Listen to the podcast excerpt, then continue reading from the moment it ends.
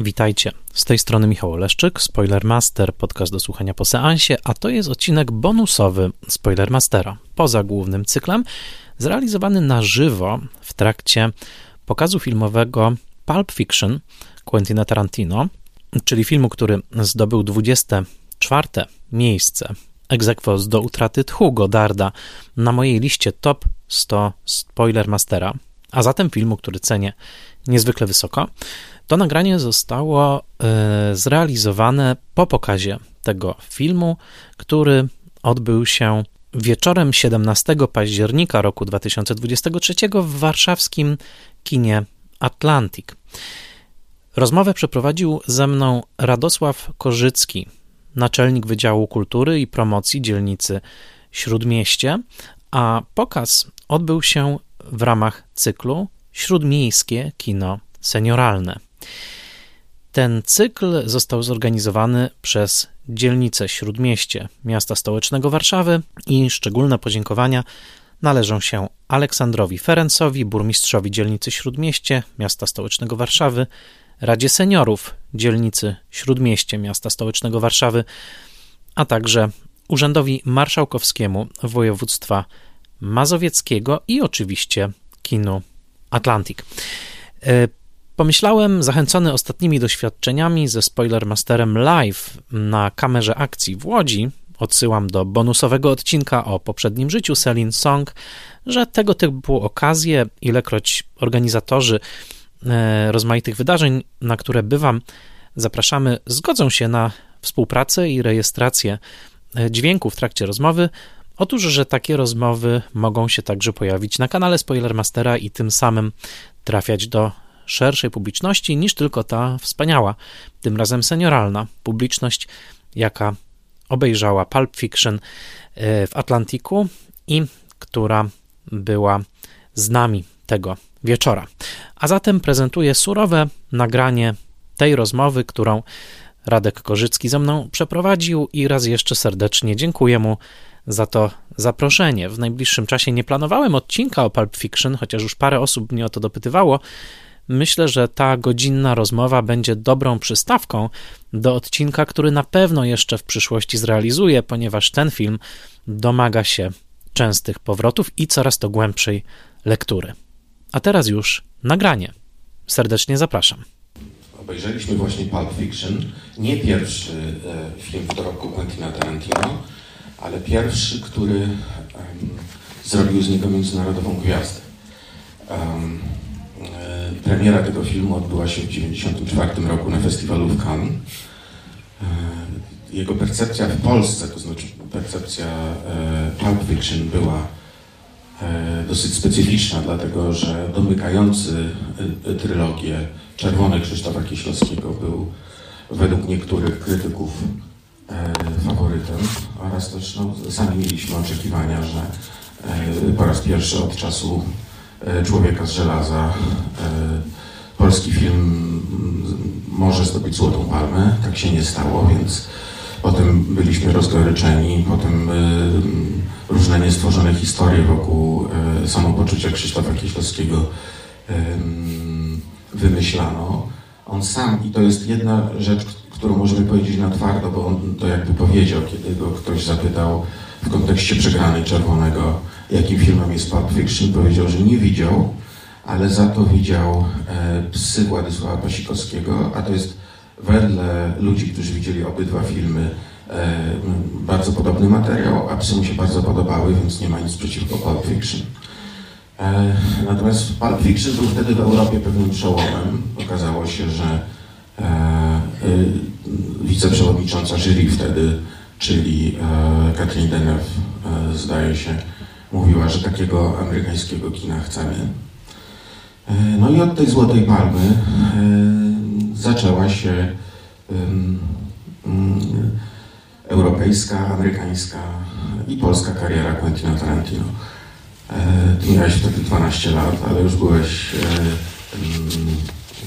praktykującym krytykiem i filmoznawcą, więc jak wspominasz tamten E, tamten czas sprzed 29 lat oraz zadam od razu pytanie, e, jak się Pulp Fiction, dziś już klasyk, e, jak się jego odbiór przez lata zmieniał. Mhm. Raz jeszcze dziękuję za to zaproszenie. Dla mnie to wielka radość. Naprawdę mm, chcę zacząć od tego, że ten film nadal sprawia mi ogromną frajdę, kiedy go oglądam. Wczoraj wieczorem, bo dzisiaj jeszcze prowadziłem zajęcia na uczelni, więc wczoraj wieczorem obejrzałem pierwszą połowę w domu, a drugą połowę obejrzałem dzisiaj z Państwem, żeby mieć na świeżo. No i e, uważam wciąż, że to jest świetne kino, od tego, od tego, od tego zacznę. E, tak, mówimy już o wydarzeniach historycznych, tak, wydarzeniach sprzed, e, jak sam wyliczyłeś, 29 29 lat, a jednak mam wrażenie, że tamten werdykt i, i tamte rozstaje dróg, bo tak można trochę powiedzieć o tym pojedynku czerwonego i Pulp Fiction, że one wciąż rezonują i wciąż jakoś działają na naszą wyobraźnię. Wręcz ten pojedynek kaneński e, zyskał jakąś taką symboliczną wręcz siłę, prawda? Bo to nie było tylko to, że tak dużo osób spoglądało z nadzieją na Kieślowskiego, a tutaj nagle, prawda, jakiś e, Amerykanin rozkochany w groszowych powieściach, bo tak też można przetłumaczyć ten tytuł, groszowa powieść, zgarnął tę główną nagrodę. Pamiętam, że y, wskazywano palcem na Clint'a Eastwooda, który był wtedy y, przewodniczącym jury i w dość, w dość niewybrednych nawet słowach część polskiej krytyki no, no, no, no, wręcz mówiło o takiej prawda, decyzji mało wyrafinowanego amerykańskiego jurora Natomiast wydaje mi się, że po latach no, ten film nadal się wspaniale broni. Czerwony, co też Katarzyna Surmak-Domańska w swojej biografii Kieślowskiego wydanej parę lat temu, Kieślowskie Zbliżenia bodajże, E, zacytowała słowa bodajże Kazuo Ishiguro, który także był w tamtym jury, e, powieściopisarz, późniejszy noblista, dobrze mówię, tak? Tak, dokładnie. E, autor Okruchów Dnia. Tak, on zaraz był po sukcesie adaptacji Okruchów Dnia. Tak. Rok po i dlatego został zaproszony do kanańskiego jury. Do kanańskiego jury, który w wywiadzie udzielonym już po latach dosyć tak w brutalnych słowach, albo przynajmniej no, dla nas ze względów patriotycznych nieprzyjemnych, powiedział, że, że nawet nie rozważano Czerwonego do Złotej Palmy, a w każdym razie no, powiedział większości jury, że mm, film wydał nam się w pewnym sensie tak właśnie obliczony na festiwal, tak, że jest to, że było to kino, które było mm, takim trochę już zastygłym, okazem e, artystycznego kina europejskiego, prawda? Ten czerwony. Pamiętajmy, że trzy kolory były zaprogramowane niemalże w ten sposób, pomyślane. To był niesamowicie ambitny projekt e, i, i także festiwalowo pomyślany, ponieważ każda kolejna część miała mieć premierę na kolejnym ważnym kluczowym europejskim festiwalu. europejskim festiwalu. I po tym, kiedy Niebieski dostał główną nagrodę w Wenecji, po tym, kiedy Biały zadebiutował w Berlinie. Tam zajął trzecie, drugie miejsce, zależy jak liczyć. E, tak, e, no to naturalnym dopełnieniem tego całego projektu artystycznego, ale także marketingowego, także prestiżowego, miał być właśnie ten sukces kanański. Tymczasem tak naprawdę porażka e, Czerwonego wtedy polegała nie na tym, że nie dostał Złotowej Palmy. Porażka Czerwonego polegała na tym, że nie dostał żadnej nagrody. Ten film został całkowicie w tym werdykcie pominięty, co mam wrażenie, że było takim dosyć mocnym sygnałem, że jury no, rzeczywiście nie, nie zostało przez ten film przekonane. To jest to, co Nishiguro powiedział na samym tak. początku, że jury szybko zdecydowało, że takiego kina nie chce. Tak. I teraz oczywiście możemy po tych 30 latach zastanowić się, prawda, na ile to yy, był nawet nie tyle trafny werdykt, bo wydaje mi się, że on był trafny, natomiast kwestia tego, jak on się odbił później echem w kolejnych dekadach yy, w, i tym, jakie filmy kręcono po Pulp Fiction, bo wiemy, że później była cała fala naśladownictw, prawda, prób osiągnięcia tej samej no i tutaj dezynwoltury, e, giętkości gatunkowej, ale także szokującej treści, prawda, zabawy przemocą, która jednocześnie będzie śmieszna. Tutaj dużo dzisiaj osób także się śmiało po tych 30 latach i to na tych brutalnych scenach. Więc wiemy, że później te zawody w prześciganiu Tarantino się rozpoczęły i do pewnego stopnia nigdy się nie zakończyły. No, nie, nie dalej jak miesiąc temu w Gdyni triumfował e, zresztą znakomity film Pawła Maślony pod tytułem Kos, poświęcony Tadeuszowi Kościuszce i w co drugiej recenzji było, że to jest Kościuszko taki jak u Tarantino, prawda? Ta, to, e, czyli, czyli właśnie taki nowoczesny, trochę brutalny, trochę zabawny, e, trochę użyję tego słowa, bo pada także często tu w dialogach cool, e, Kościuszko, więc jesteśmy wciąż trochę, mam wrażenie, pod urokiem tego kina, a jednocześnie patrzymy na Tarantino, który sam jest już nie tylko seniorem, ale kimś, kto całkiem jawnie i w sposób wręcz kunsztowny planuje już własną emeryturę, ponieważ zapowiedział, że nakręci swój ostatni film. Niemalże jak Jules w ostatniej scenie zapowiadający emeryturę swoją gangsterską, tak Tarantino już od jakiegoś czasu mówi, że jego kariera jest obliczona na te bodajże 9 filmów czy 10 i, i że już niedługo się z nami pożegna jako filmowiec. Obecnie jest także autorem książek, napisał powieściową wersję pewnego razu w Hollywood, która nie jest ekwiwalentem filmu, jest dziełem osobnym e, i napisał książkę krytyczno-filmową, właściwie historyczno-filmową pod tytułem Cinema Speculation, wybitną. E, I jest także podcasterem, ponieważ razem z Rogerem Averym e, prowadzą czyli podcast. Współscenarzystą. Czyli współscenarzystą tego filmu i, i, i córką Avery'ego, Garą Avery prowadzą taki podcast, który nazywa się Video Archive i tam odwiedzają ponownie zbiory tejże wypożyczalni wideo, w której kiedyś pracowali, a którą później całe te zbiory e, Tarantino zakupił i przechowuje do teraz dokładnie w tych samych pozycjach, na tych samych półkach. E, przechowuje ją niemalże jako rodzaj takiej świątyni e, kaset wideo i oni obecnie powracają do tych kaset, oglądają te filmy ponownie, no i potem umieszczają w sieci niesłychanie erudycyjne, często bardzo długie, bardzo ciekawe, bardzo ciekawe odcinki. Więc e, Tarantino wygrał nie z Kieślowskim, mam wrażenie. Tarantino wygrał wtedy z pewną wizją szacownego kina europejskiego, być może nawet międzynarodowego kina szacownego, opartego na takiej długiej tradycji, powiedziałbym, właśnie modernistycznej, prawda? E, moglibyśmy wielu poprzedników tutaj wyliczyć. E, no a my wszyscy jesteśmy trochę spadkobiercami tamtej i tamtego zwycięstwa i tej niesamowicie silnej wizji, która wtedy się na ekranie pojawiła. Ale zobacz, e, w ciągu tego gorącego sezonu nagród, e, którego to, to jest trochę inna epoka niż dzisiejsza, to znaczy w dzisiejszych czasach sezon nagród zaczyna się jak od festiwalu w Toronto i Wenecji. E, tamtych czasach zaczynał się już w Berlinie. No, Kantu był punktem zwrotnym, dlatego że wygrał film amerykański, potem się liczył w Oscarach, ale jest w tym pewnie jakaś gorycz i dla Tarantino, i dla Kieślowskiego. E, oba filmy na poziomie nominacji do Oscara spodobały się Amerykańskiej Akademii Filmowej e, i obaj reżyserzy rywalizowali ze sobą Oscara dla najlepszego reżysera, a Tarantino i Avery e, wygrał statuetkę za najlepszy scenariusz z Kieślowskim i Krzysztofem Kiesiewiczem. Natomiast koniec końców e, film w dwóch głównych kategoriach, znaczy e, Pulp Fiction, natomiast w kategorii najlepszy reżyser, e, oba filmy pokonał Robert Zemeckis z Forrestem Gumpem, filmem notorycznie powtarzanym w telewizji. Mnóstwo ludzi go uwielbia, można się na nim wzruszać, natomiast już, przepraszam za prywatę, ale nieraz rozmawialiśmy o tym z Michałem, mamy zbliżone stanowisko, że to jest jednak film bezbrzeżnie konserwatywny, znaczy Forrest Gump, to znaczy to jest kino klasycznie zrobione, polegające wówczas na, na pewnym oszołomieniu e, cyfrowymi efektami specjalnymi. Natomiast to jest uwielbienie reganowskiej Ameryki i to w czasach, kiedy już e, ona była poddawana za Billa Clintona na początku lat 90. pewnej krytyce. Więc e, i Pulp Fiction, który jest filmem amerykańskim i przełomowym, e, i Czerwony, który jest filmem e, europejskim, e, co dla Clint'a Eastwooda było pewnym problemem, no przegrały z typowym amerykańskim filmem, który dzisiaj specjalnie popularny nie jest. Yy, tak, to też od, odrębny jeszcze temat, prawda? To zwycięstwo wtedy Foresta Gampa. Pamiętajmy, że to był taki film, który.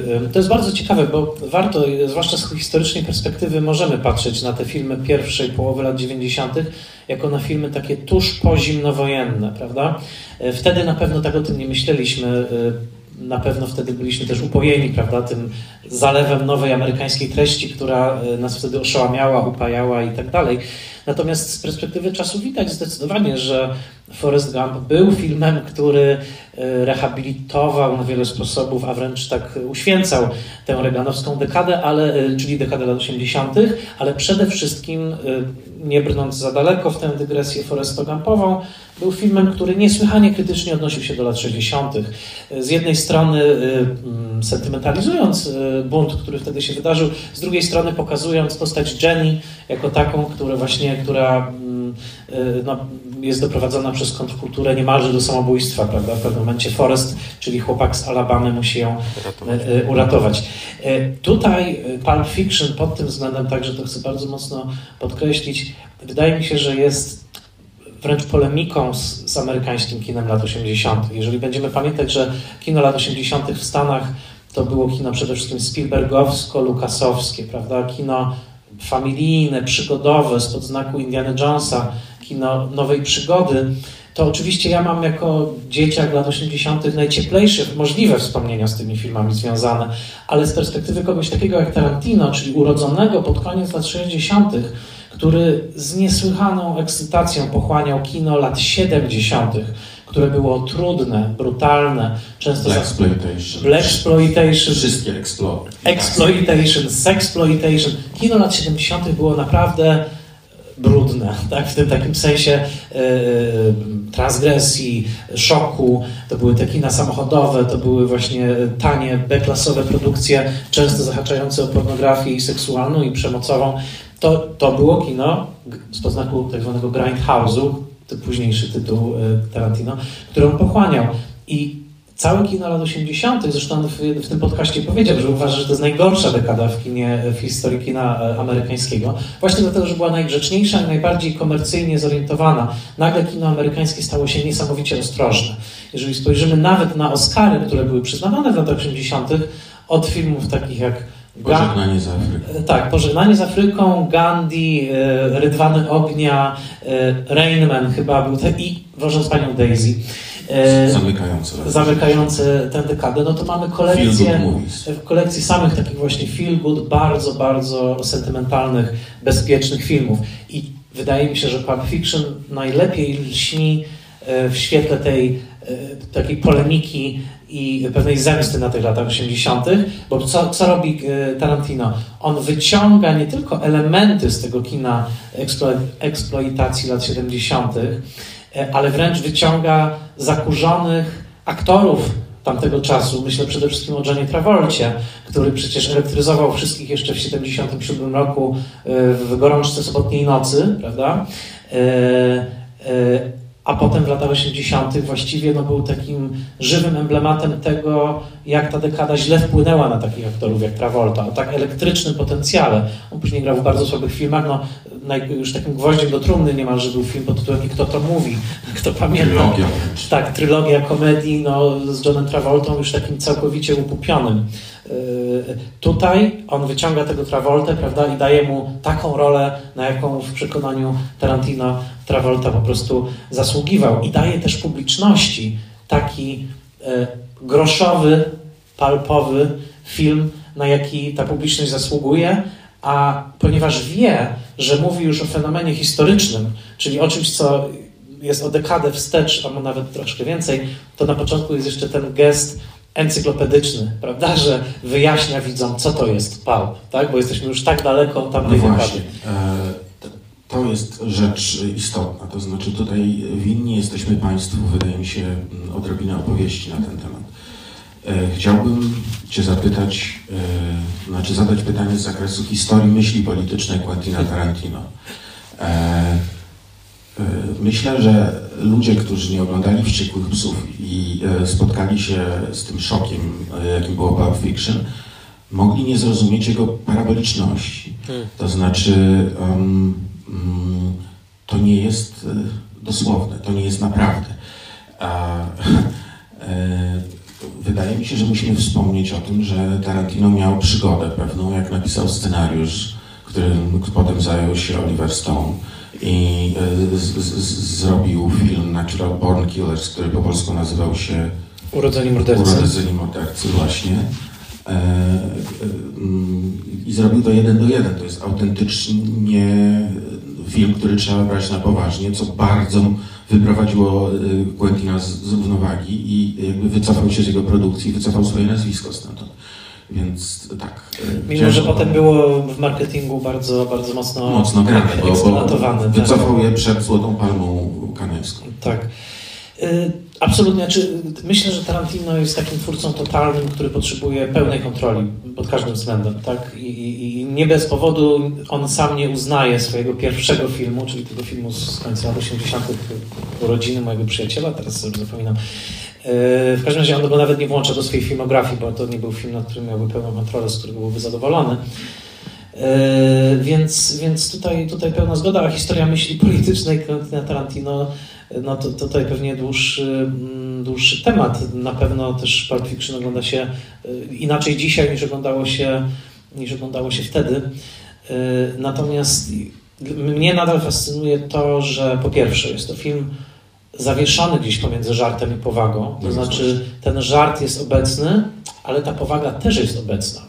Po, po tych dwóch i pół godzinach, także metraż nam coś mówi, podczas tej ostatniej przemowy Julesa na temat tego, kim on jest w tej paraboli biblijnej, quasi-biblijnej, bo to nie jest cytat z prawdziwej Biblii, e, mam wrażenie, że Tarantino nie zamierzył tej sceny jako żartu. Wydaje mi się, że on w tym momencie wykłada jakąś pewną swoją filozofię, która zahacza o właśnie powieść kryminalną, powieść detektywistyczną, e, powojenną przede wszystkim. To wszystko, co nazywamy Pulp Fiction wiąże się przede wszystkim z latami 40., z latami 50., z autorami takimi jak Mickey Spillane i nie tylko. Tutaj wiele jest aluzji do tej, już nie, nie ma co tego wyliczać, ale świecąca y, aktówka to jest zdecydowanie nawiązanie do śmiertelnego pocałunku Aldricha, który był wedle powieści Spillane'ego i tak dalej, i tak dalej. Ale co to były za powieści? No to był czas, w którym z jednej strony filozofia egzystencjalna, prawda, taka powiedzmy rodem z nadsekwany, takie poczucie bezsensu,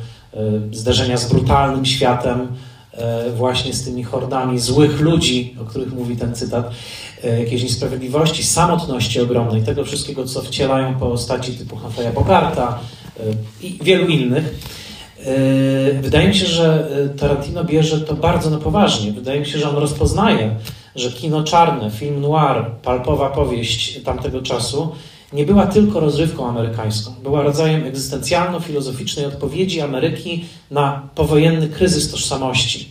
E, z jednej strony boom ekonomiczny, a z drugiej strony wsobny kryzys egzystencjalny, który oczywiście przejawił się w literaturze bitników i nie tylko, a w kinie najpiękniej obrodził tymi groszowymi, tanimi filmami między innymi realizowanymi w wytwórni Monogram Pictures, której z kolei dedykował swój debiutancki, przełomowy film Jean-Luc Godard, bo do utraty tchu jest no, dedykowany Monogram Pictures.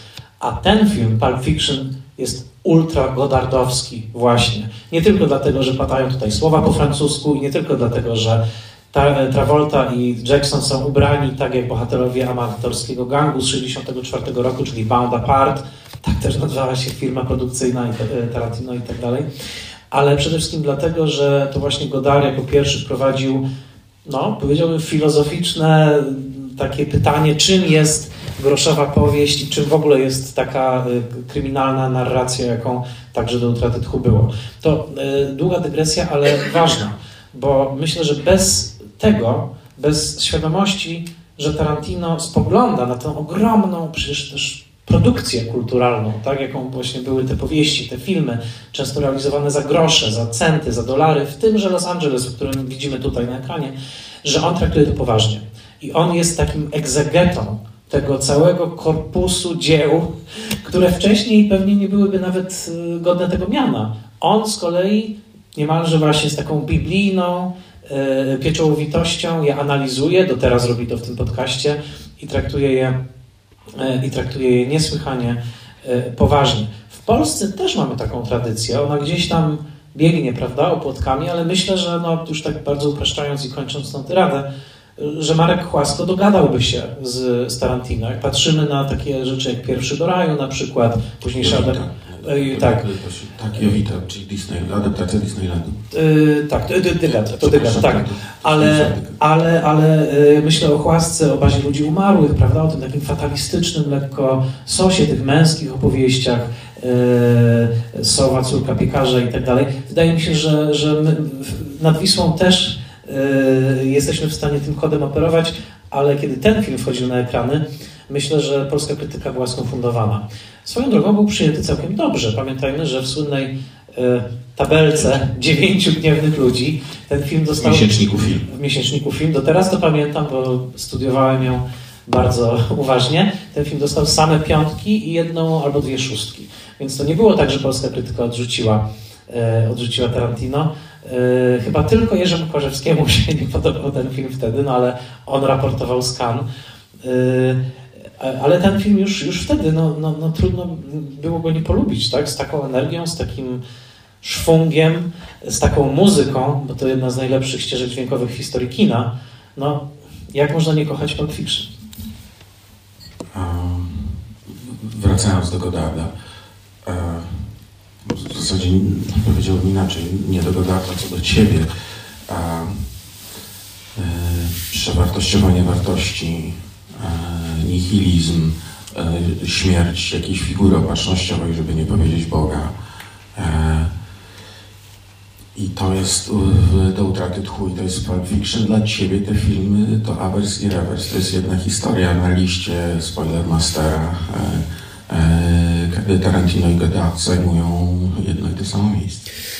No nie jest to przypadkowe. Rzeczywiście taką listę ułożyłem i te, te dwa filmy jako jedyne są aequo. Mm, dowód jest na ekranie, tak? Dowody są na ekranie. Uma Thurman ma tutaj fryzurę Anny Kariny. E, no i o tym w pewnym momencie słyszymy nawet dialog po francusku L'Aventure commence, tak? E, jest tego po prostu mnóstwo. E, Tarantino był wielkim fanem Godarda, zwłaszcza z tego okresu właśnie, powiedzmy, amatorski gang, szalony Piotruś, więc tutaj, tutaj nie ma niespodzianki. Natomiast no, mm, to, o czym ty powiedziałeś, Tarantino jest art, amerykańskim artystą. To trzeba bardzo wyraźnie powiedzieć. Te dwa słowa są tak samo ważne pierwsze jest artystą, nie jest tylko recyklingowcem, który prawda, bezmyślnie powtarza jakieś frazy. Nie, on jest prawdziwym artystą i ten stopień kunsztu tego filmu jest niebywały. Pamiętajmy swoją drogą o wkładzie polskiego operatora Andrzeja Sekuły.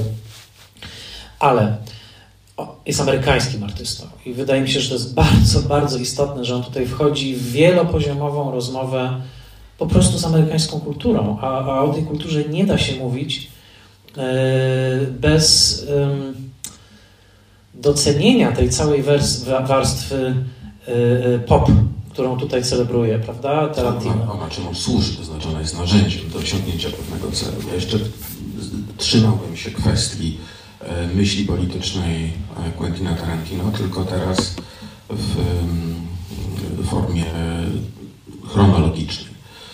Parafrazując Tadeusza Różowicza, każda rewolucja klasycznieje. I tak jak Zemekis, który nie jest istotnym twórcą, co tam ostatnio zrobił, coś tam gdzieś, gdzieś był, no, nie ma on znaczenia dla historii kina, ani światowego, ani amerykańskiego. Ten Forrest Gump jest filmem bardzo krytycznym wobec lat 60., ale ćwierć wieku po Pulp Fiction bardzo krytyczny film wobec e, lat 60., wobec kontrkultury, wobec tego, co się działo na Uniwersytecie Berkeley, wobec tak zwanej trzeciej świadomości, co filozofowie szkoły frankfurckiej e, mówili o wyzwoleniu i wszystkich ruchach emancypacyjnych lat 60. Tarantino robi, e, moim zdaniem, film na wskroś konserwatywny, czyli pewnego w Hollywood. No to, to otwieramy tutaj całą e, nową puszkę Pandory. E, tak, myślę, że, że tak, że, że jest w tym filmie coś konserwatywnego. Tutaj się ograniczę do komentarza takiego, że on próbuje dokonać, znaczy to już jest ten okres, kiedy on próbuje dokonać czegoś więcej niż tylko przestawienia torów kina amerykańskiego. Bo myślę, wydaje mi się, że w tym filmie Pulp Fiction on po prostu samodzielnie, z wielką, wspaniałą ekipą, chciał przestawić tory kina amerykańskiego, które jego zdaniem w latach 80. po prostu zostały skrzywione w złym kierunku. I wydaje mi się, że mu się to udało późniejszych filmach, takich jak Bękarty Wojny i pewnego razu w Hollywood, on stara się już przepisać historię, prawda? Jakby w Bękartach Wojny pokazuje nam śmierć Hitlera. Trzy razy, jeszcze Django jest między innymi. I Django, dokładnie, tak. To jest taka trylogia, y, powiedziałbym, korekty historycznej, tak? Czyli mamy nazizm, mamy niewolnictwo i mamy morderstwo Mansona. Czyli generalnie kontrkultura, narkotyki, zmiana świadomości. No. Tak. I on jakby, y, ale, ale ważne jest, i to, to jest też bardzo istotne, kto ratuje Sharon Tate w, w wymyślonym finale pewnego razu w Hollywood. Ratuje y, ją y, pośredni aktor telewizyjny palpowych westernów, tanich, groszowych, marginalnych, grany przez Leonardo DiCaprio i kaskader, czyli ktoś niewidzialny w zasadzie, a jednocześnie wcielający coś, co bardzo uwodzi Quentin Tarantino, czyli hollywoodzkie rzemiosło. Tak?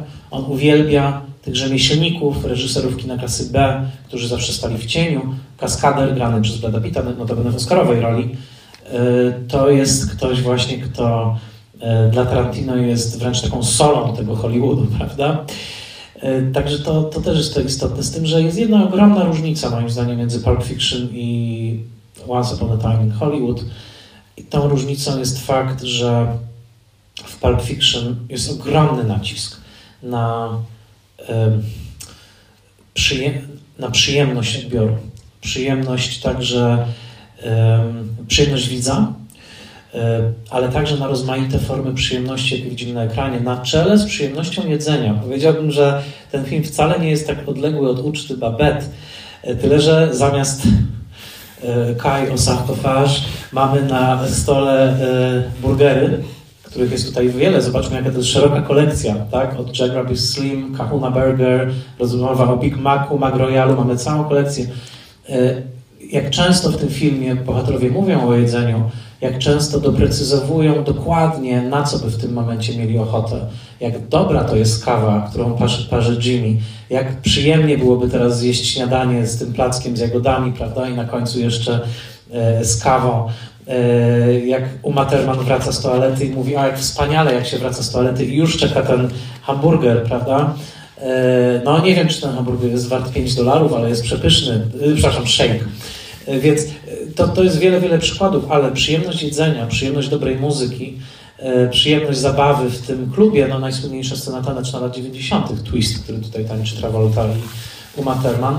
Do piosenki Czeka Berego. Do Czeka Berego. To jest niebywały film wielu takich rozkoszy. E, przypomnę o kluczowym momencie w czołówce, który moim zdaniem zwiastuje w ogóle ten gest tarantinowski. To znaczy, pod czołówką leci jeden utwór muzyczny, już wchodzimy, prawda, w jego nastrój, w jego rytm, po czym słyszymy gałkę radia, tak? Ktoś kręci gałką i zmienia się nagle utwór na Jungle Boogie. E, nagły, niespodziewana zmiana, prawda? No muzyka pod czołówkę powinna być jedna, a tymczasem reżyser uznał, że w tym właśnie momencie dobrze by było zmienić nastrój, bo czasami tak mamy, że chcemy zmienić trochę nastrój, że chcemy zmienić trochę tę muzykę, którą słuchamy. I ten film pod tym względem jest zaserwowaniem widzowi takiego pełnego, wielodaniowego posiłku. Po dwóch pół godzinach nie da się odejść od tego stołu inaczej jak w pełnym poczuciu sytości. A zwłaszcza dlatego, że dopiero na końcu orientujemy się, jak te puzzle ze sobą pracują. Pod tym względem uważam, że to, to też jest taki majstersztyk po prostu potraktowania widza. Tak? To znaczy, że dostajemy wszystko. Od historii miłosnej, która niemalże się wydarza na naszych oczach, prawda? Vincent Vega i Mia, po szok, y, ujęcie z igłą i oczywiście późniejsze y, koszmary w piwnicy Zeda, y, też nawiązujące do filmu Wybawienie, Burmana i tak dalej. Więc i tego czegoś już uważam nie ma w pewnego razu w Hollywood, ponieważ tam on pokazuje taką zabalsamowaną wersję przeszłości, prawda? Pamiętam taki Hollywood, pamiętam takie kino yy, samochodowe, pamiętam takie przyczepy, pamiętam takie LA, ale to, to, już nie jest to. Tak? To już nie jest ta taka yy, radość tworzenia żywego świata na ekranie, bardziej odtwarzania pewnego wspomnienia. Sam tytuł zresztą to podpowiada. Za sekundę oddam Państwu głos. O, ostatnią, o ostatniej rzeczy chciałem porozmawiać. Coś, co dla mnie jest najistotniejszym komunikatem, deklaracją polityczną Quentina, to znaczy ta trylogia Bękarty Wojny, Django i pewnego razu Hollywood we wszystkich e, trzech filmach ofiary mają głos, to znaczy e, mm, Quentin Tarantino proponuje nam emancypację poprzez przemoc. E, no właśnie. E, czy, czy, czy on w jakikolwiek sposób ofiarom zadośćuczynił, skoro, mm. skoro cały dyskurs na temat Holokaustu, na temat niewolnictwa, na temat błędów i wypaczeń kontrkultury lat 60. idzie zupełnie gdzie indziej. To znaczy idzie na wyciszanie emocji, a tutaj te emocje wybrzmiewają i Adolf Hitler może e, zostać e, brutalnie zamordowany przez młodą żydowską e, operatorkę kabiny w kinie. No to jest bardzo głębokie pytanie. Moja intuicja jest taka, że cokolwiek Tarantino, czegokolwiek by nie zrobił, E, to po pierwsze uważam, że te gesty jego mają, siłę pewną. Myślę, że ten ostatni najmniejszą w, pewnego razu w Hollywood, bo wydaje mi się, że tam już po prostu wchodzi w pewne kolejny e, swoich przyzwyczajeń. E, ale nie uciek Tarantino nie ucieknie od swojej amerykańskości, mam wrażenie, a ta amerykańskość też się wiąże z pewną niewinnością. To znaczy on przywołuje tą przemoc bawi się nią, ekscytuje nią nas, czasami nawet rozbawia nas tą przemocą, ale wydaje mi się, że ona bardzo rzadko dotyka takiej prawdziwej grozy, yy, pożogi i przemocy, jaką lepiej znamy w tej części świata. Nie bez powodu w książkowej wersji yy, pewnego razu w Hollywood, którą naprawdę polecam, to jest zupełnie odrębne dzieło. Yy, w audiobooku czyta to Jennifer Jason Lee E, jest taki jeden ustęp, którego nie ma w filmie. Tam jest powiedziane, że ten kaskader grany przez Brada Pitta jest kinomanem i chodzi do kina. Tam są całe takie jego przemyślenia o różnych filmach.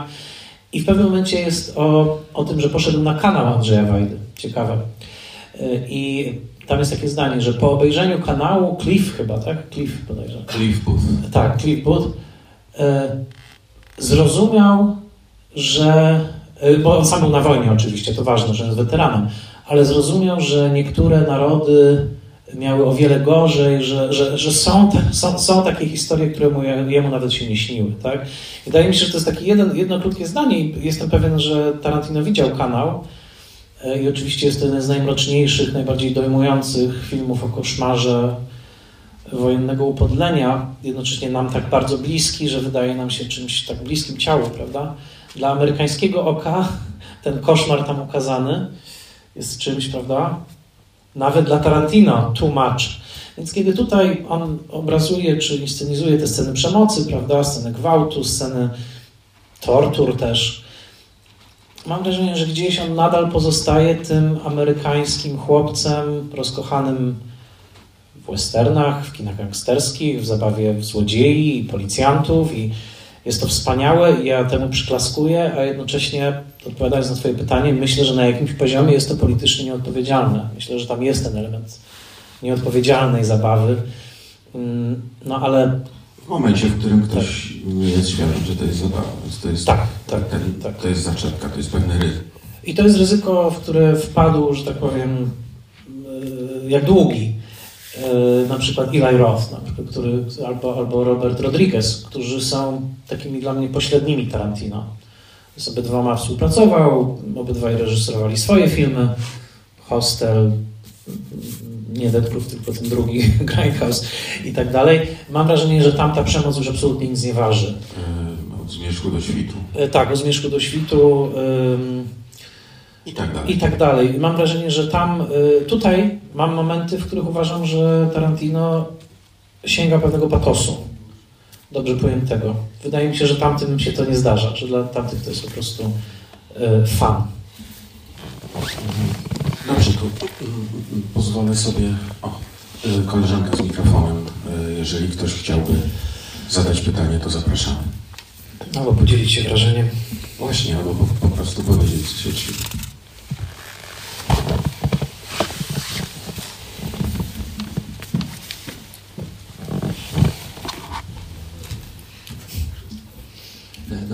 wieczór. Dla mnie ten film jest trochę niedokończonym biznesem, bo chyba 12 lat temu w kinie Lab jeszcze ówczesnym był taki double bill Dobry, zły i brzydki Pulp Fiction. Pulp Fiction na pierwszej rolce się urwał, bo ostatnia kopia celuloidowa, jaką mogli znaleźć, się spaliła po prostu w projektosie, więc dobrze się udało go zobaczyć na dużym ekranie po tych wszystkich latach. E, dla mnie ten film jest fascynującym przykładem, e, być może ostatnim, który przychodzi na myśl, na, e, na wskroś artystycznego, które znalazło takie pomnikowe miejsce pamięci popkulturowej, hmm. że jest cytowany przez wszystkich. Ludzie, którzy kompletnie filma się nie znają, po trzech dekadach nadal potrafią sobie znaleźć jakiś punkt odniesienia w rozmowach z innymi, jeżeli widzieli Pulp Fiction, nie go lubią. To są cytaty, to są momenty, to są rozkładane, przetrawiane, remiksowane sceny E, ten film nie jest już pewnie tak bardzo żywy w pamięci, jak jeszcze dwie dekady temu był, kiedy to się wydawało świeże, aktualne. Przede wszystkim dlatego, że e, naśladownictwo Tarantino się nie zmaterializowało nigdy w tej formie. To nigdy nie powstał nurt. Nie ma innych filmów takich jak Pulp Fiction. Mnóstwo filmów próbowało być takim rodzajem właśnie patchworkowej historii, która biega w tych różnych kierunkach postmodernistycznie, prowadzi tą narrację, skleja jakoś niechronologicznie te elementy, zastanawia się, kto jest kim w tej historii. Więc takich prób było mnóstwo. Żadna nie dorównała, więc to obietnica się nigdy nie spełniła, że będzie kino jak Pulp Fiction, a sam film się ostał. Nawet jeżeli z latami nawrot i patyny teraz już jest klasykiem, więc nie jest wywrotowym filmem awangardowym, którym kiedyś był. Teraz Pulp Fiction jest no, elementem jakby kanonu. I to jest fascynujące dla mnie. Chyba ostatni raz film artystyczny znalazł zarówno miejsce w kanonie artystycznym, wydaje mi się, że tak jest przynajmniej, tak powinien być zapamiętany, jak i centralne miejsce w jakiejś pamięci popkulturowej, przynajmniej dla pewnego pokolenia. Mhm. I pytanie moje byłoby pewnie takie, Tarantino raczej już nie zdąży tym dziesiątym filmem The Movie Critic e, dołożyć kolejną cegiełką w tym jakiejś sztafecie tutaj takich filmów, ale pytanie jest, czy mamy w ogóle widoki na kolejny film, który może znaleźć miejsce w obydwu tych e, drabinkach hierarchii i tej popkulturowej pamięci i e, no właśnie takiego jakiegoś kolejnego przedstawienia zwrotnic, jeżeli chodzi o kino, bo o ile lata 80. te blockbusterowe mogą mi się nie podobać, tak mam wrażenie, że dzisiaj kino lepiej się nie ma i znowu wróciło do jakiegoś takiego utartego, komercyjnego modelu, w którym najlepiej zapamiętywane i sprzedawane są filmy, które no, niespecjalnie próbują wywrócić cokolwiek do góry nogami, tak jak Pulp Fiction kiedyś to zrobiła. Mhm. No mogę się pod tym absolutnie podpisać, e, co zostało powiedziane. Sam Tarantino, teraz dokończę ten cytat, bo go nie dokończyłem, powiedział, że najgorsza dekada w kinie amerykańskim to była dekada od 80. i ta obecna.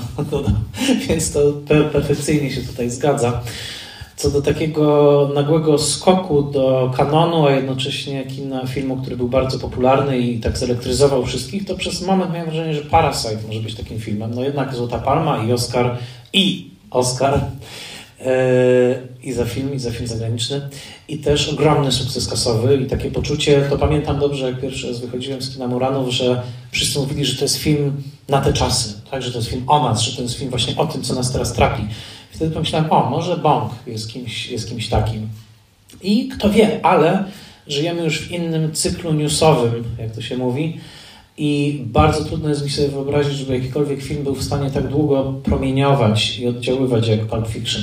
To, to jeszcze nie był czas Twittera, prawda, kiedy werdykty były wydawane szybko. Filmy, tak jak teraz to jest, często żyją bardzo intensywnie przez moment, ale tydzień później są już nowe tweety, nowe filmy i nagle orientujemy się, że film sprzed dwóch lat jest już stary, tak? Jest już czymś, o czym już nie mówimy, bo przesunęliśmy się dalej, bo co piątek jest 20 premier na streamingach i 10 w kinach i tak dalej.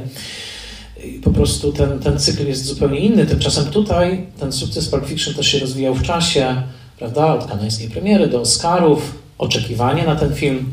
Tutaj anegdota, pamiętam, że rodzice nie pozwolili mi wtedy tego filmu obejrzeć, a pozwolili właściwie na wszystko wtedy filmowo, ale ten, coś było w nim takiego, że powiedzieli, że nie, nie, nie, to chyba jeszcze a propos tych 12 lat, które wtedy miałem E, obejrzałem go dopiero później. Więc e, myślę, że cokolwiek Tarantino nie zrobi w tym filmie Movie Critic, to już pełna zgoda. Już nie będziemy w tym geście szukać niczego nowego. Pewnie on postawi jakąś kunsztowną kropkę nad i. A ja uważam, że potrzebny jest taki gest jak, jak Pulp Fiction. Myślę, że jak, jak rosy, dżdżu i deszczu, widzowie i, i społeczność kinomanów potrzebuje filmu, który zaproponuje coś, jakieś nowe rozdanie. E, być może także naruszy jakieś nasze normy wrażliwości. Jesteśmy w czasie, który bardzo dba o szanowanie tych norm. Y, komfort rozmaicie pojęty jest, jest takim niemalże dogmatem. Y, no, na niektórych streamingach pojawiają się przed filmem ostrzeżenia, jeżeli w tym filmie ktoś pali tytoń. Tak? Włączyłem film na jakimś streamingu i było, że tutaj możecie doświadczyć czegoś tak szokującego. No, y, nie chcę się z tego śmiać, bo być może też tego w tym momencie potrzebujemy. Jesteśmy w takim, a nie innym momencie historycznym i być może, być może to też jest potrzebne, ale wydaje mi się, że jeżeli przyjdzie jakiś film o, o miary Pulp Fiction, to on będzie musiał naruszyć trochę te, te nasze przyzwyczajenia takie bezpieczne. Mm, I, i, I, zupełnie nie wiem, gdzie, gdzie wypatrywać takiego filmu, ale pocieszam się tym, że wtedy też nie do końca było wiadomo, gdzie go wypatrywać. Y, bo mimo, że to był świetny czas dla kina amerykańskiego, ten y, kaneńsko, prawda, bo to był jedyny taki moment, że rok po roku zwyciężali Amerykanie. Y, Seks, kłamstwo i kasety wideo, Dzikość serca. Mm, między nimi fortepian, czyli Campion. Tak, później, tak, dokładnie, fortepian. I tutaj właśnie Pulp Fiction. Ale co, swoją drogą ciekawe byłoby też porównanie właśnie Dzikości serca i Tarantino, bo to było, wtedy mówiono o tych dwóch filmach jako o takich ikonach kina postmodernistycznego, prawda? Że, natomiast to, co zaproponował Tarantino, to było coś zupełnie innego niż to, w jakich wtedy rejonach krążył David, David Lynch. Więc y, ja mam wielką nadzieję, że coś takiego się pojawi. Y, na pewno będzie to zaskakujące, będzie to nowe i oczywiście to, to przyjdzie. Y, ale nie wiem gdzie, nie wiem skąd. No może rzeczywiście w południowo-wschodniej Azji. Bardzo możliwe, tym bardziej, że jeszcze jest jedna cecha Tarantino. On kradł, używam tego, jakby z wielu filmów i zapożyczał, które wtedy miały mikroskopijną zachodnią recepcję, prawda? Myślę też o kinie azjatyckim, który on zgłębił pod wieloma względami tego dowodem jest tutaj już ten miecz samurajski, a na pewno Kill Bill jest takim filmem, który czerpał obficie z kina Mm, zwłaszcza kopanego Dalekiego Wschodu, ale on to robił w czasie, kiedy jeszcze cyrkulacja, obrót tych tytułów nie był tak szeroki, nie był, te filmy nie były tak dostępne. On jakby odkrywał pewne, e, pewnych twórców także dla kina e, szerszego i nieprzypadkowo stał się później kuratorem, w sensie ścisłym. Jego, jego, jego podcast to jest kuratorska robota. On zwraca uwagę na pewne filmy, które zostały zapomniane. Jest fantastycznym kuratorem nawet ma swoje kino w Los Angeles gdzie pokazuje tylko filmy z 35 mm, czyli z taśmy filmowej. Swoją drogą jest moim wielkim marzeniem, żeby kiedyś chociaż raz do tego kina pójść. Ale sala jest wyprzedana każdego dnia. E, pomijam, że LA to jest miasto filmowe, ale też e, ta kuratorska jego praca, to, że jedno słowo Tarantino w tym podcaście jest w stanie skierować uwagę ogromnej rzeszy słuchaczy i kinomanów na jakiś zapomniany tytuł z lat 60., 70., E, później e, nagle wzrastają obejrzenia tych filmów na YouTubie, na przykład, jeżeli się znajdują. E, polecam komentarze, bo tam wtedy ludzie zostawiają takie komentarze. Trafiłem tu dzięki Quentinowi i tak dalej. Że ta jego moc kuratorska jest, jest, jest po prostu ogromna. Zobaczymy. Ja, ja jestem optymistą, chociaż wydaje mi się, że tak, jesteśmy teraz w takim czasie, kiedy kino zastygło troszkę, zwłaszcza to mainstreamowe, w bardzo bezpiecznych formułach. Czy ktoś jeszcze chciałby zabrać głos? Zapraszam. Tam na końcu.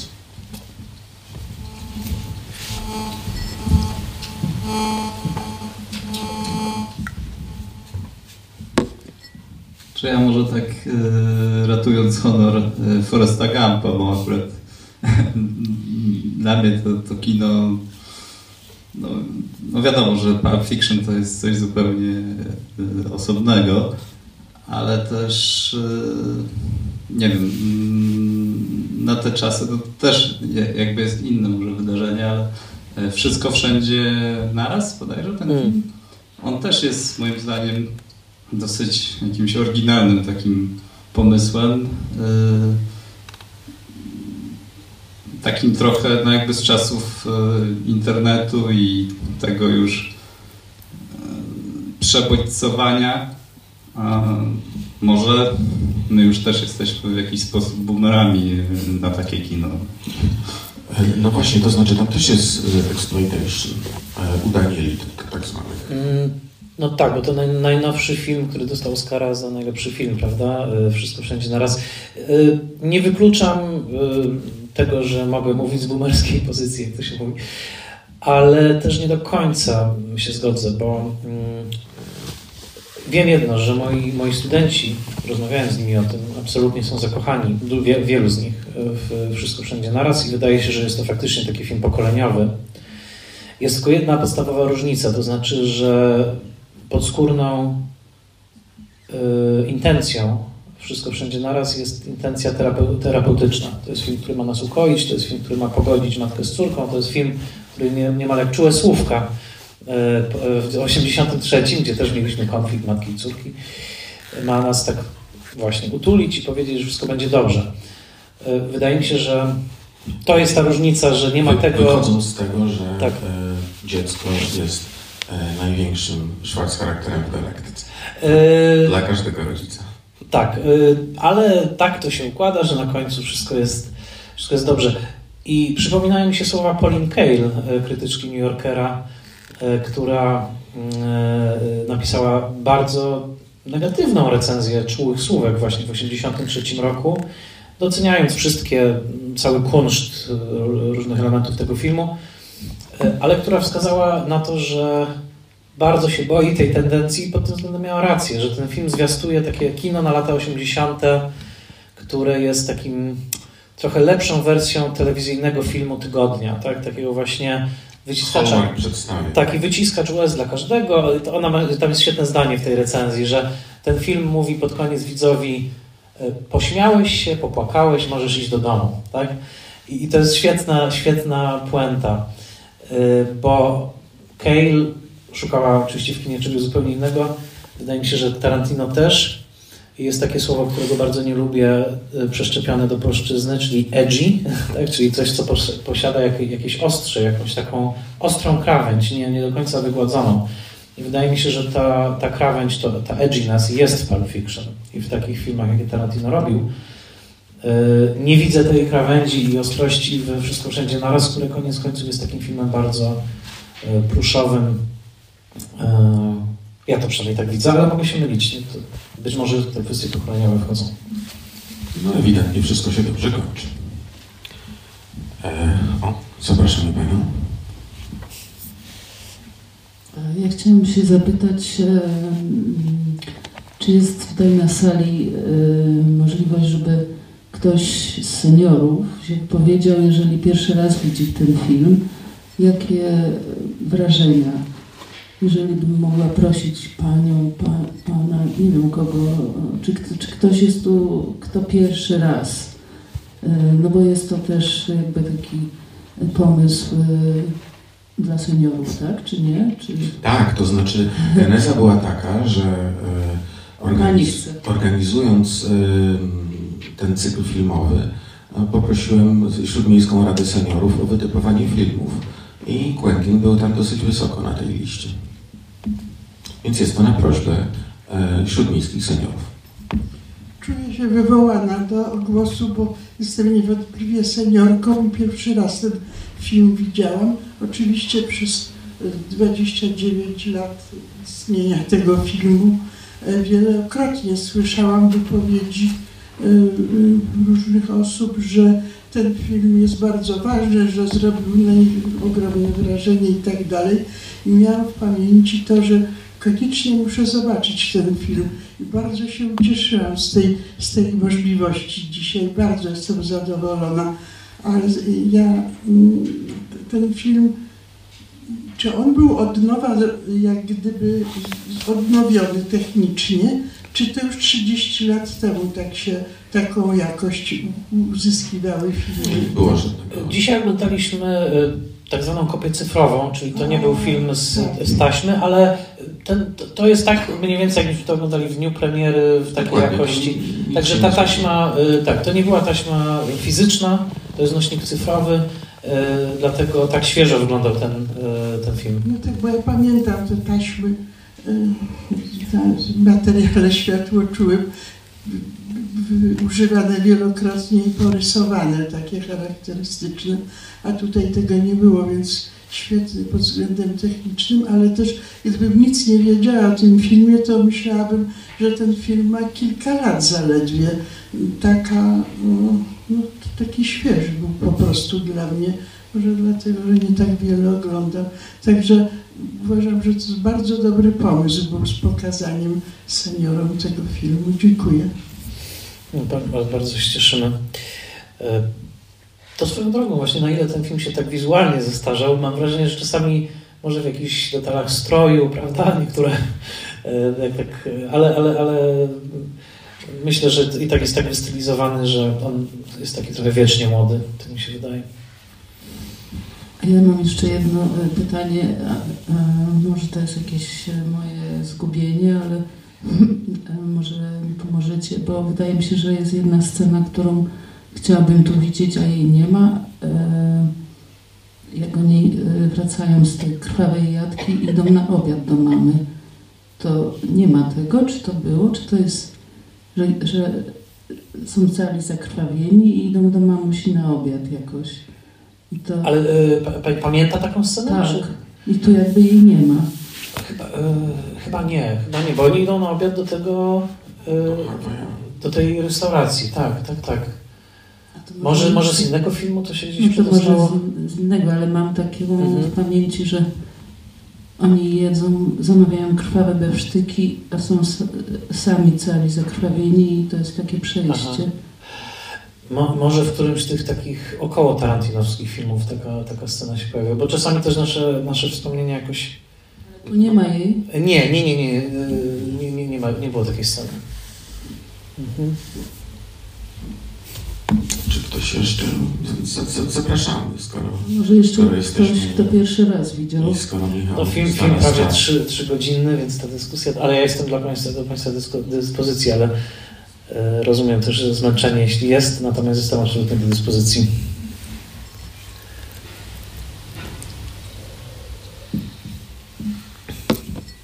Już na pewno. Y, to ja tylko jedno zdanie powiem, że żałuję, że wtedy aktorzy bardziej nie byli docenieni Oscarowo, bo tak myślę, że po latach jak się patrzy, to i Uma Thurman jest tak wspaniała tutaj, i Samuel L. Jackson, i John Travolta. Y, żałuję, że, że oni jakoś wtedy y, nie zostali przez... Bo, bo dodajmy, że film dostał tego jednego, jedynego Oscara, czyli właśnie za scenariusz. Natomiast no... Uma przegrała z aktorką no właśnie. Woody'ego Allena. A, czyli Diane Wist, tak? Za, tak, ja lubię ten film i lubię starzejące się diwy. A, a Martin Landau dostał... Martin Landau, Tim Burton też jest y, osobliwym reżyserem i też to był pewnego rodzaju omarz dla, dla kina minionego i takiego kina ewidentnie traszowego. Znaczy mówimy o filmie Ed Wood. Tak. To prawda. Ja dzisiaj jeszcze idąc tutaj myślałem sobie... Volta przegrał z Tomem Hanksem. To prawda. E, ja tylko myślałem sobie jeszcze jednej rzeczy, której szedłem dzisiaj, mianowicie zadałem sobie takie pytanie, czy jest jakiś polski film, o którym mógłbym powiedzieć, że jest zrodzony z tego, z podobnego ducha, który ma jakąś podobną temperaturę, podobny sznyt i dochodzę do wniosku, że e, film Marka Piwowskiego, przepraszam, czy tu biją, jest trochę takim filmem, nie wiem, czy Państwo widzieliście ten film, bardzo go polecam, to jest film z połowy lat 70. Polski kryminał, film policyjny, e, znakomity e, i zrobiony z podobnym przymrużeniem oka. Oczywiście w zupełnie innych warunkach, w zupełnie innej rzeczywistości, ale e, i humor. Pewne sceny w okolicy się dzieją. Tak, dokładnie. Zresztą jeden z najlepszych warszawskich filmów w ogóle. Uważam, że tam ta Warszawa jest fantastycznie pokazana, wykreowana. Tak tylko e, z tym Państwa zostawię, że jeżeli gdzieś tam uda się ten film zobaczyć. Polecenie Spoilermastera. Zdecydowanie. Biją Marek Ja już od dawna zresztą planuję odcinek o tym filmie, bo mnie już tyle lat fascynuje, a myślę, że też ten humor Piwowskiego wcale, wcale nie jest tak odległy. Jego umiłowanie długiego dialogu, prawda, takich rozważań, e, no, które znamy głównie z rejsu. E, to tak tylko chciałem dorzucić. To jeszcze jedno takie krótkie pytanie, bo może e, panowie wiedzą, jaka jest spirytualna ścieżka Quentina, czy w ogóle coś na ten temat ja nie mam pojęcia. Szczerze powiedziawszy, nigdy to nie wybrzmiewało. Nie, nie, nie, nie znam żadnej jego wypowiedzi takiej, która by mówiła jakoś o jego mm, duchowej stronie. Mm, nie wiem. Zupełnie, zupełnie tego, tego nie wiem. E, Ale myślę, że z tego. Wczoraj słuchałem bardzo ciekawego wywiadu z Andrzejem Żuławskim. To jeszcze tylko taki już archiwalny, oczywiście, wywiad z nieżyjącym reżyserem, który powiedział taką bardzo ciekawą myśl, mówiąc o swoich filmach, ale też o, o filmach innych, że kino musi być o moralności, bo tylko wtedy jest ciekawe, ale nie może być moralizatorskie, bo jeśli jest, to jest nieciekawe.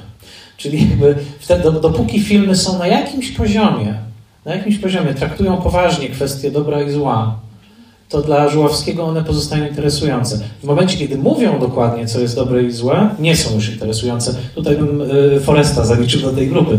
Ale też tak. to, to może być pewną klamrą tej rozmowy, e, mniej więcej to też krytykując Czerwonego miał na myśli Kazuo Ishiguro, to co Kasia Sumek przypomniała w, w, tej biografii. Tak. E, dokładnie tak, że tam się wkradł być może jakiś Dlatego to był patos. kaznodziejski ton. I wydaje mi się, że Tarantino, i to, to bym podsumował, że ten film, on dotyka tych kwestii, on dotyka ich na poważnie. E, jednocześnie bawiąc się od początku do końca. I te rzeczy się nie wykluczają i na tym chyba polega cud co tego filmu, więc y, y, to tak opowiadając może nie dokładnie o duchowej stronie, ale o takiej właśnie moralnej Tarantino. No dobrze, kończymy licytację. Ostatnia szansa. Czy ktoś jeszcze w kontekście nowych wątków, które się pojawiły, czy w ogóle? W przyszłym roku okrągła rocznica, może jeszcze jakieś pokazy okolicznościowe będą, bo 2024 to już będzie taka okrągła rocznica Pulp Fiction. Jeśli chodzi o kina, które, znaczy o, o, o filmowe rocznice, to w kwietniu przyszłego roku na stulecie urodzin Marlona Brando zapraszam w imieniu swoim i dzielnicy na tramwaj zwany pożądaniem. Może i przy tej okazji się spotkamy z, z przyjemnością. Michałem Oleszczykiem. Bardzo Państwu dziękuję i bardzo dziękujemy, że mogłyście. Bardzo dziękuję za zaproszenie.